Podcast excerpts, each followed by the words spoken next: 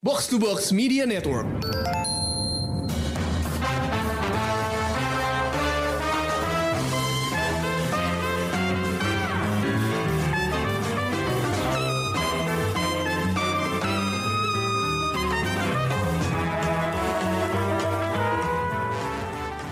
Welcome to another episode of Out of the Box. Di bulan Ramadan ini, Showbox bakal terus nemenin kalian di akhir pekan dengan obrolan-obrolan yang cukup variatif ya. Omong-omong soal variasi, topik kita kali ini untuk Out of the Box adalah Korean Variety Show. Sebenarnya udah lama gue sama Krisna pengen ngangkat topik ini. Ceritanya suatu suatu hari di tahun lalu, gue sama Krisna lagi di mobil bareng karena kita lagi kena macet abis nonton pulang macet terus akhirnya ngobrol.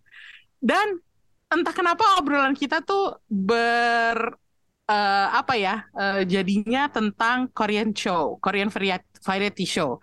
Uh, soalnya waktu itu gue lagi nonton sebuah variety show yang uh, gue suka banget.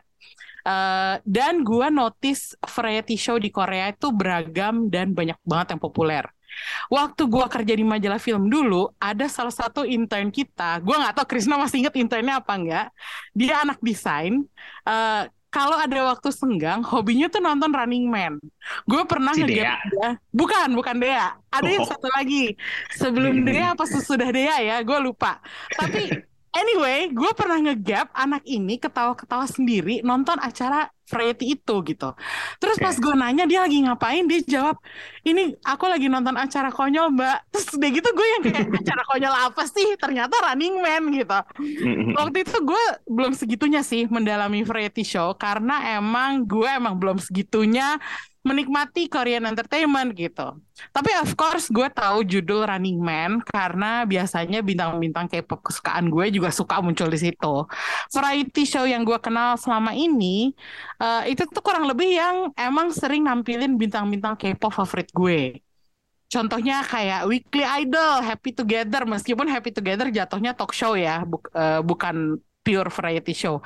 Uh, terus Man on Mission, atau yang disebut juga dengan Knowing Bros. Uh, apa pun judulnya itu variety show Korea itu tuh biasanya seru sama menarik. Jadi gue pengen tanya nih sama Krisna, hmm. apakah Krisna juga nonton variety show? Dan apa yang bikin variety show Korea itu unik bagi lo?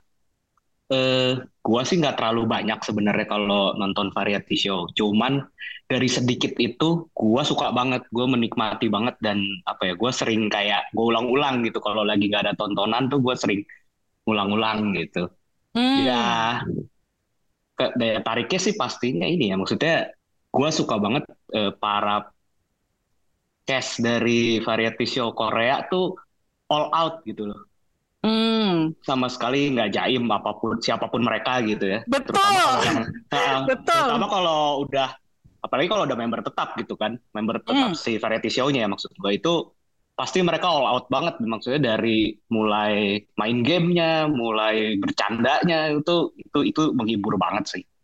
Hmm, iya, dan mereka selalu tampil apa adanya gitu ya, kayak nah, iya. mm -mm. make upnya nggak terlalu gimana banget, mm -mm. beda banget sama mm kalau kita ngelihat dia mungkin waktu lagi main di film atau ya, drama lainnya lakor. gitu, ha, iya. gitu. -mm. Dan menurut lo apakah ini juga yang dicari sama semua orang yang nonton? Kan apa sih populer banget menurut lo? Iya juga sih maksudnya kayak mungkin kayak pengen ngelihat sisi lebih real dari favorit mereka gitu kan. Mungkin kalau mereka sebagai idol atau mereka sebagai aktor itu kan uh, apa ya mungkin lebih jaim gitu ya. Maksudnya ya kalau aktor sesuai mereka mainnya di layar doang gitu. Kalau idol juga mungkin kan banyak aturannya gitu ya. Tapi begitu mereka tampil di variety show itu kan mereka biasanya lebih lepas gitu. Dan ya itu mau ya pastinya di pastinya ada skrip lah ya. Tapi tetap terasa sangat alami gitu. Tektokannya, bercandanya itu sih yang paling menurut gue eh, apa ya nggak bisa nggak bisa disamain sama variety variety show dari negara lain. Betul, itu yang hmm. salah satu yang yang gue rasain juga adalah kok kayaknya nggak mungkin setting kayak gini diaplikasikan ke bintang-bintang Amerika gitu atau iya, bintang-bintang Inggris gitu. Kok kayaknya kayaknya ajaib banget nih setting gitu. Dan sepertinya yang bisa melakukan ini tuh hanya orang Asia doang gitu. Gue gak tau kenapa gue ada ada perasaan kayak gitu loh Chris pas nonton sebuah variety show Korea bahkan waktu bintang-bintang luar negeri kayak misalnya Ryan Reynolds gitu dia kan sempat juga kan Iya. uh, muncul di Running Man kalau nggak salah Heeh, heeh, heeh. itu tuh jatuhnya jadi agak beda gitu ya kayak dibandingin dia diwawancara di sebuah outlet media luar Heeh. sama dia dibandingin penampilan dia di sebuah variety show Korea itu tuh Bisa lebih beda lepas banget gitu Heeh, bisa lebih lepas gitu Mm-mm. apa apakah karena settingnya yang nyuruh mereka untuk seasli mungkin seautentik Mm-mm. mungkin Mm-mm. atau mungkin ini juga alasannya kenapa banyak yang jadi anggota castnya itu adalah komedian ya Chris I- iya pastinya ya. Saya komedian pasti mereka udah lebih terlatih juga kan untuk eh, bercanda di depan layar gitu ya, di depan kamera gitu. Kalau Hmm. menurut gue sih faktor ini juga kali ya. Eh, setting pasti, eh, teman-teman cast yang lainnya yang bisa membawa suasana pasti. Tapi kalau gue perhatiin tuh dari banyak variety show Korea, peran si PD-nya sih, si sutradara, sutradara atau produsernya itu itu involve banget kan di situ. Oh, Nah betul itu sih, itu betul. eh, kadang terasa gitu beberapa variety show ketika ganti PD itu langsung kayak vibe-nya tone itu berubah tuh tuh kadang berasa juga gitu. Jadi emang peran mereka yang gede banget juga sih di situ. Hmm. Iya, ini eh, keterlibatan PD itu gue setuju banget sih, Mm-mm. karena nanti ada alasannya kenapa gue ngomong gitu ya. Nanti gue akan buka alasan gue untuk ngomong begitu. Eh, tapi gue pengen tahu variety show jenis apa yang biasanya bikin lo paling excited? Apakah games, Mm-mm. adventure, talk show, makan-makan, apa nih Chris? Eh, kayaknya semuanya saling berkesinambungan tuh ya. Kay- Kayak mostly Iya. variety show punya elemen adventure gitu kayak misalnya Ulbakil gitu, Two Days and One Night kan jalan-jalan keliling Korea. Terus eh, kayak Running Man pasti ada gamesnya juga. Terus makan-makannya tuh pasti juga kan. Hmm. Jadi eh, ya tapi gue paling suka mungkin adventure sih kali ya. Oh, adventure yang Sama paling ngobrol-ngobrolnya sih tetap paling seru justru interaksi mereka tuh apa ya lucu kadang ya lucunya natural gitu. Hmm, iya sih. Kalau kalau gue, gue sebenarnya eh, suka gue karena tadi yang gue bilang ya, gue berangkat Mm-mm. dari eh, acara-acara yang nampilin idol-idol favorit gue. Mm-mm. Jadi gue sebenarnya tuh lebih suka sama acara talk show.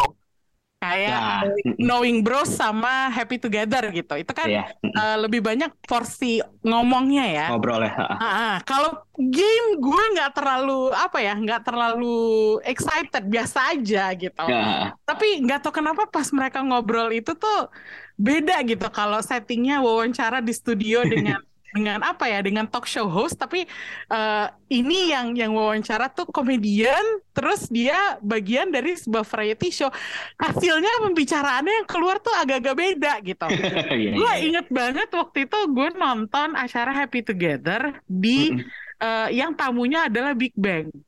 Mm-mm. Terus di situ tuh gue tahu Big Bang itu eh, apa ya kan grup-grup YG itu kan agak-agak unik ya dinamika Mm-mm, dalam grupnya mm-mm. sendiri gitu. Iya, iya. Terus entah kenapa waktu mereka ngobrol di acara Happy Together itu ada Yu Jesok sama segala macem lah biasa Mm-mm. gengnya Yu Jesok gitu kan. Mm-mm. Terus keluar cerita-cerita yang nggak biasa dan akhirnya malah bikin gue jadi oh ternyata grup ini tuh kayak gini ya gue nggak tahu Kayak- sama sekali gitu.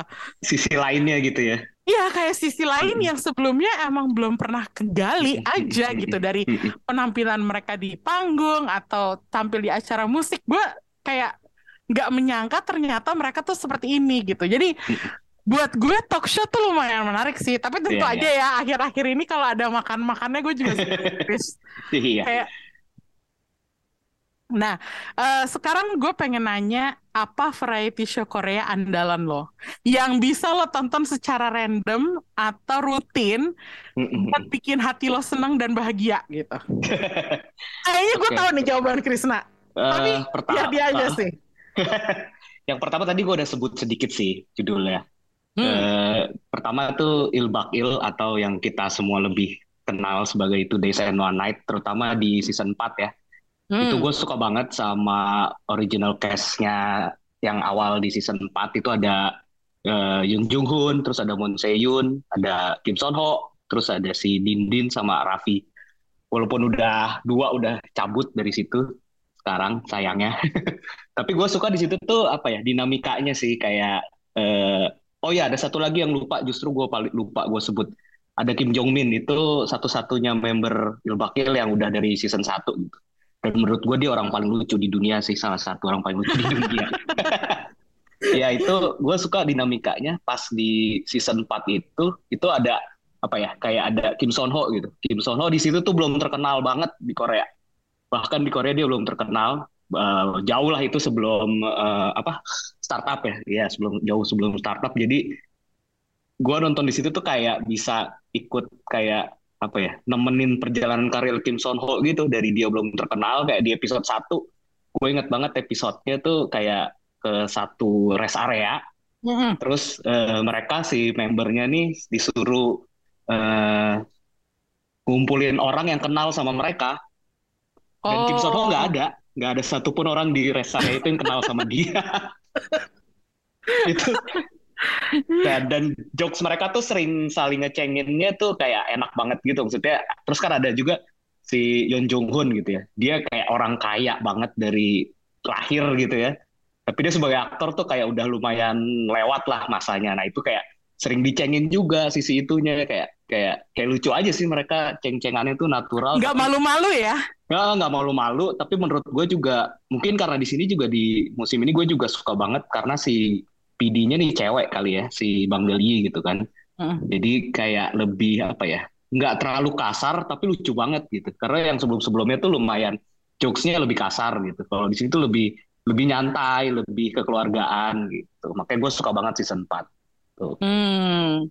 Terus selain itu, gue ada satu lagi sih yang gue sempat suka banget itu gue juga sempat nonton berkali-kali tapi sayangnya udah nggak ada di Netflix dulu gue nontonnya di, Net di Netflix itu Hiyori's Bed and Breakfast oh itu gue ya, belum pernah denger tuh nah itu ceritanya si Hiyori sama suaminya di Sangsun itu kan punya rumah di Jeju mm -hmm. Nah, jadi ceritanya mereka nyewain rumahnya itu buat jadi tempat bed and breakfast.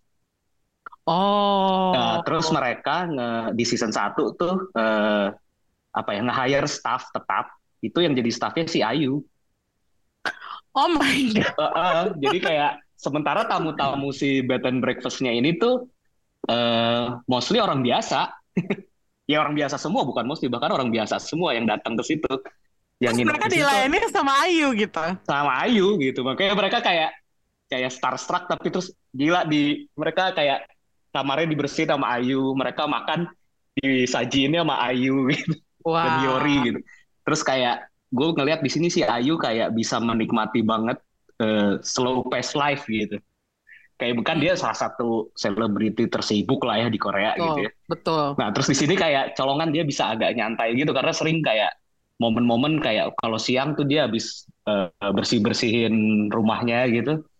Terus kan biasanya tamunya lagi pada jalan-jalan kan, jadi kosong gitu kan. Mm. Terus dia kayak duduk nyantai di teras terus ketiduran gitu-gitu kayak kayak kayak seru, seru, seru aja sih ngelihat uh, si Ayu sama Hyori. Apalagi kan Hyori tuh kayak senior apa ya si Ayu tuh nganggap Hyori tuh kayak seniornya banget gitu kan.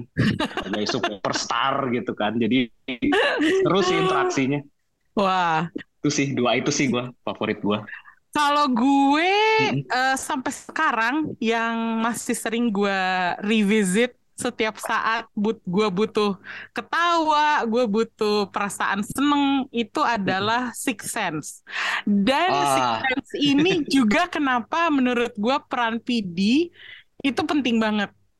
Jadi di tim produksinya Six Sense ini uh, yang eksekutif produsernya namanya Jong Chol Min dia itu niat banget kalau mau ngerjain castnya dan bikin penonton tuh merasa ikut apa ya ikut takjub gitu loh. Karena kan konsep acaranya Six Sense itu adalah mereka harus nebak castnya itu harus nebak tempat mana yang palsu gitu kan. Ah iya, gue pernah nonton beberapa episodenya. Iya, gue sukanya tuh di sini tuh kan cast castnya kan Yu Jae Sok, Onara, yeah. Lee Ju, John So Min, Jesse, Lee Sang Hyuk.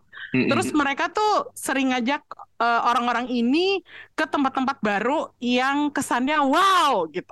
Dan di mereka dikasih pengalaman baru yang menarik gitu. Tapi terus mereka disuruh nebak apakah di tempat-tempat itu ada yang palsu.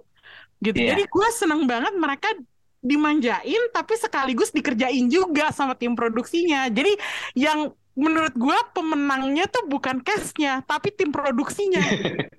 Karena Ngerjain gitu. iya karena Dan ada mata ma- apa impostornya gitu kan. Iya, dan mereka tuh kayak apa niat banget gitu loh.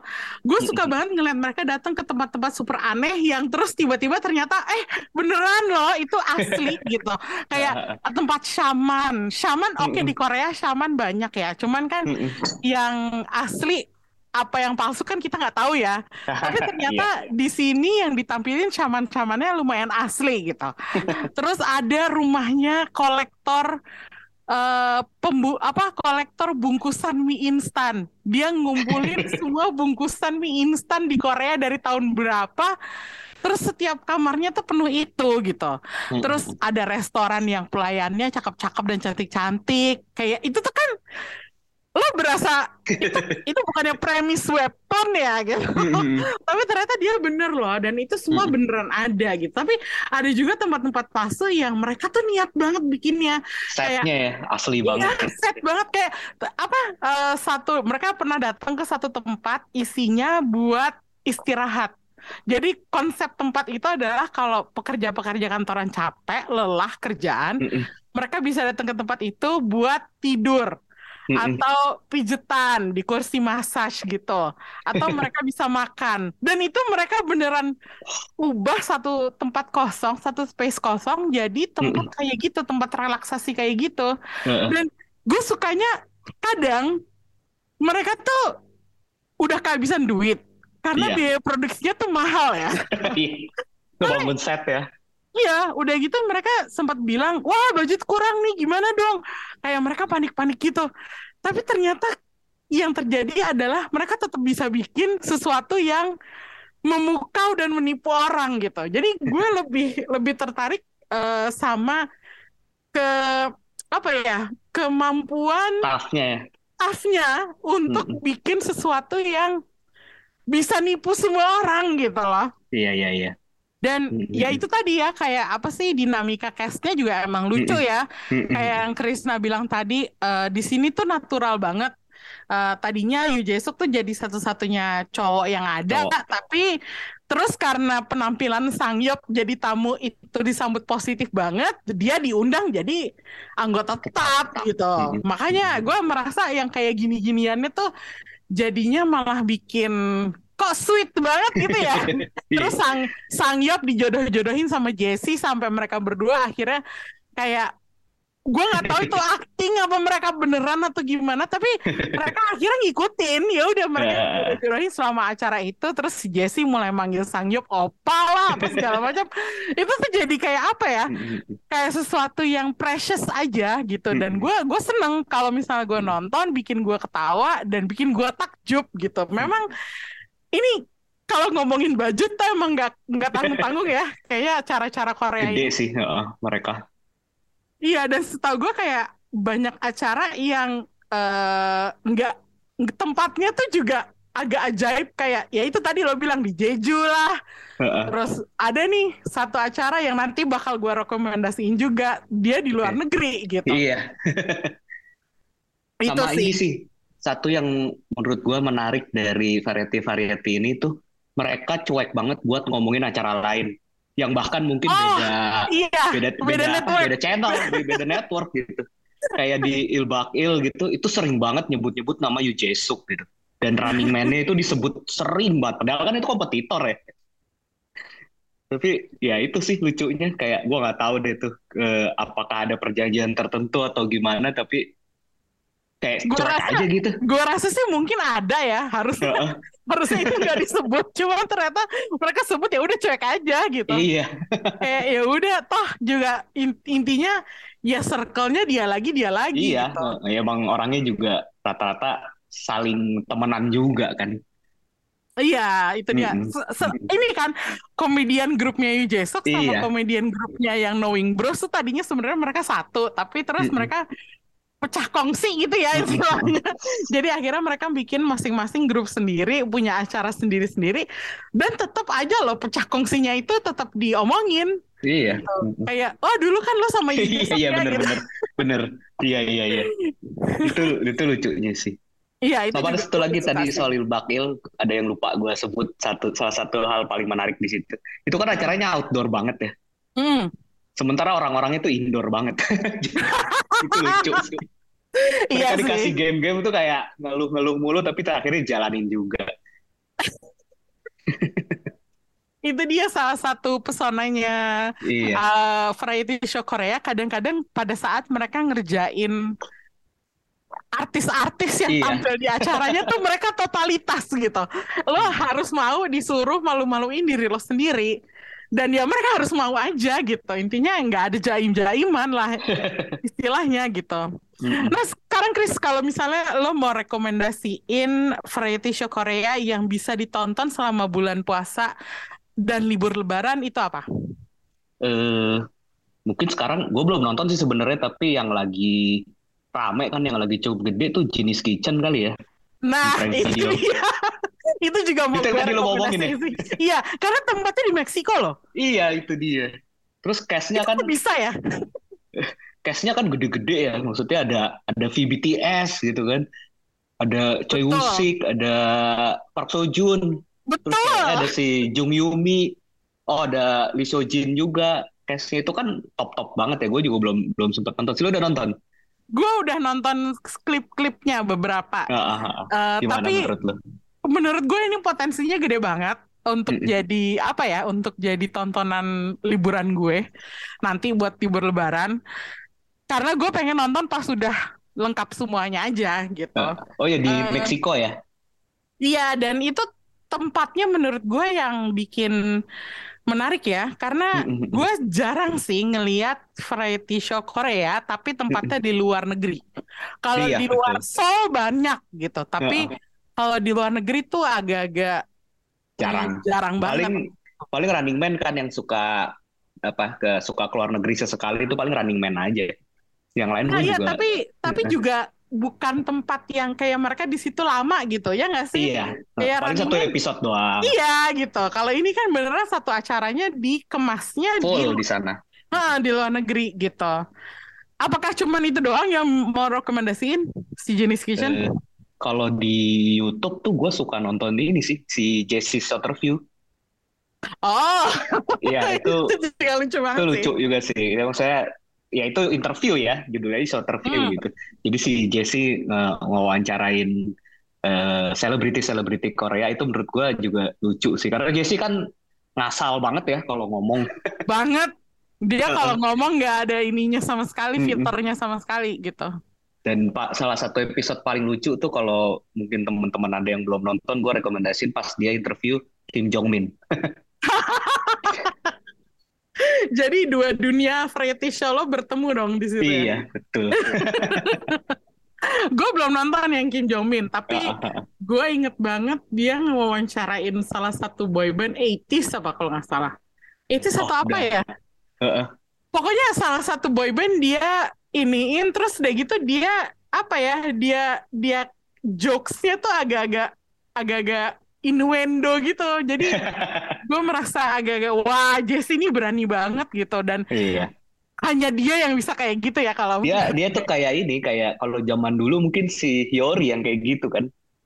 oh itu juga gue jarang sih Hyori ngeliat teori Hyori setelah ini, Hyori setelah lewat masa peaknya dia terus akhirnya lebih kayak apa ya? Kalau dulu kan dia kayak idol banget ya, terus pas dia udah Hmm. lebih lebih dewasa gitu jadi ini kan lebih cuek gitu akhirnya.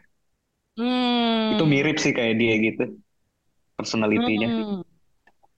Oke, Em, kalau rekomendasi gue sebelum kita tutup obrolan kita hari ini eh, adalah Young Actors Retreat di View. Eh, ini isinya adalah aktor-aktor top dari tiga drakornya Kim Song Yoon. Kalau lo suka drakor ini wajib ditonton sih karena ada Park Seo Joon, Ji Chang Wook, Hwang In Yeop, An Bo Yoon, Park Bo Gum, Park Dong Yeon, Jung Jin Young dan semua bintang-bintang utama dari Love in the Moonlight, Itaewon Class dan Sound of Magic. Ini yang gue suka ya. Meskipun mereka mungkin udah sering kerja bareng di layar, mm-hmm. tapi kalau di setting show kayak gini, mereka mungkin baru pertama kali. Terus waktu mereka pertama kali dikumpulin untuk kan mereka dibagi-bagi per grup, terus masing-masing yeah. grup datang ke tempat resort di mana mereka harus berinteraksi. Itu mereka semua awkward. Kayak nggak ada yang confident gak tahu mesti ngapain. Iya kayak nggak tahu harus ngomong apa cuma bisa sih yang mayoritas. Iya cuman cuman bisa ngangguk-ngangguk terus kayak apa sih tatap-tatapan dari jauh gitu. Itu awkward banget. Gue suka banget episode pertama sama kedua tuh di mana mereka belum deket sama sekali tuh. Iya, iya. gue nontonnya agak-agak kayak takjub gitu yang wah ternyata aktor bisa juga ya insecure Padahal mereka kalau kita lihat di layar tuh gayanya kan selangit banget gitu, sesuai dengan karakter-karakter yang mereka mainin gitu. Tapi kalau di sini tuh tiba-tiba mereka semua jadi kayak cupu gitu. Pokoknya ajaib banget deh. Setting variety show tuh emang nggak boleh diremehin. Um, aktor top sekalipun tiba-tiba bisa jadi kayak kitty cat di sini gitu.